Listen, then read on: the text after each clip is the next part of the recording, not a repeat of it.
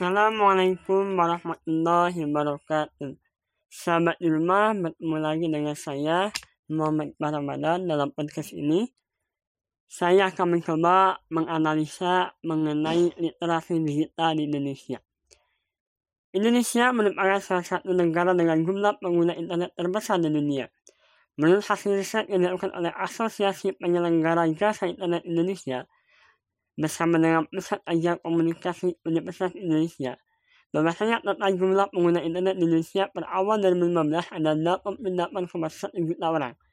Akan tetapi sesuai dengan riset yang dilansir oleh Media Sosial, pada tahun 2017 tercatat ada sebanyak 132 juta pengguna internet di Indonesia, dan angka ini masih tumbuh sebanyak 50% dalam kurun waktu satu tahun.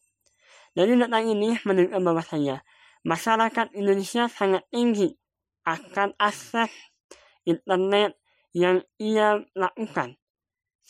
Sebanyak 132 juta pengguna internet Indonesia merupakan data yang sangat tinggi terhadap akses internet.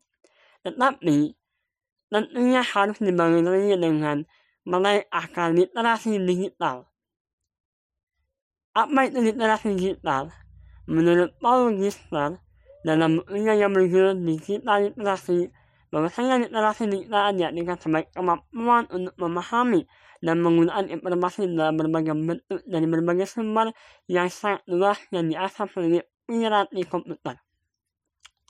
Bowden dalam gelarnya yaitu informasi and digital literasi a review of concept Beliau menyatakan atau menawarkan pemahaman baru mengenai literasi digital yang berakar pada literasi komputer dan literasi informasi.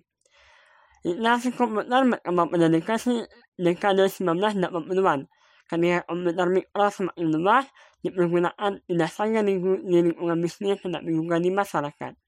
Namun, literasi informasi baru menyebar luas pada dekade 1990-an, manakala informasi semakin mudah disusun, diakses, disebarluaskan melalui teknologi informasi berjejaring.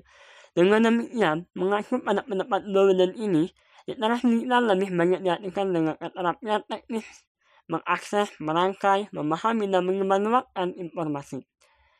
Kemudian Douglas, dalam tesisnya What is Digital Literacy, mengatakan bahwa ada delapan elemen esensial untuk mengembangkan literasi digital, yaitu sebagai berikut satu kultural, yaitu pemahaman ragam konteks penggunaan dunia digital.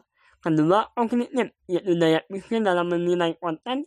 Yang ketiga, konstruktif, yaitu mereka cipta sesuatu yang ahli dan aktual.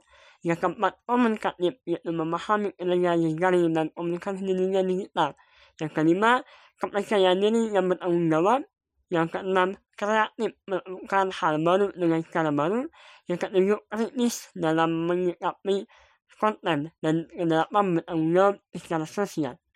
Menurut UNESCO, konseptisasi bisa menaungi dan menjadi landasan penting bagi kemampuan memahami perangkat perangkat teknologi informasi dan komunikasi.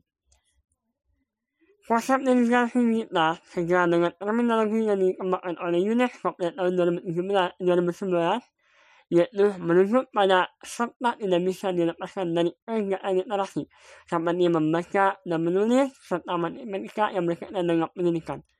Oleh karena itu, literasi digital merupakan kecakapan atau life skill yang tidak hanya melibatkan kemampuan menggunakan perangkat teknologi, informasi, dan komunikasi, tetapi juga kemampuan bersosialisasi, kemampuan dalam pembelajaran, dan memiliki sikap berpikir kritis, kreatif, serta inspiratif sebagai kompetensi digital. Adapun permasalahan literasi digital Indonesia adalah salah satunya menyebarnya berita hoax atau berita bohong. Apalagi di era pandemi ini, berita hoax ini sangat banyak. Dituturkan oleh Menteri Komunikasi dan Informasi, yaitu Johnny Giflet, memberikan data terbaru bahwa sudah terdapat lebih dari 500 kasus hoax terkait virus corona ini. Yang tercatat hingga Sabtu kasus ini ditemukan di berbagai platform digital. Dari kasus ini menunjukkan bahwasanya tingkat literasi masyarakat Indonesia masih sangat minim. Oleh karena itu, ada solusi yang hendak saya berikan, yaitu yang pertama, meningkatkan literasi digital masyarakat dengan program Gerakan Nasional Literasi. Dan yang kedua, penguatan dari Undang-Undang ITE pada pasal 28 ayat 1 yang bisa menjerat siapa saja yang ikut menyebarluaskan konten hoax. Dengan sembilan solusi ini, maka masyarakat Indonesia dapat beradaptasi dengan adanya literasi digital ini supaya berita-berita ataupun akses akses internet dapat diakses dengan baik dan benar karena tingkat literasi masyarakat Indonesia memiliki tingkatan yang sangat tinggi ataupun melek akan literasi digital. Sahabat di rumah, itulah beberapa analisa yang dapat saya sampaikan mengenai literasi digital ini. Semoga bermanfaat. Sampai jumpa lagi dalam podcast selanjutnya. Wassalamualaikum warahmatullahi wabarakatuh.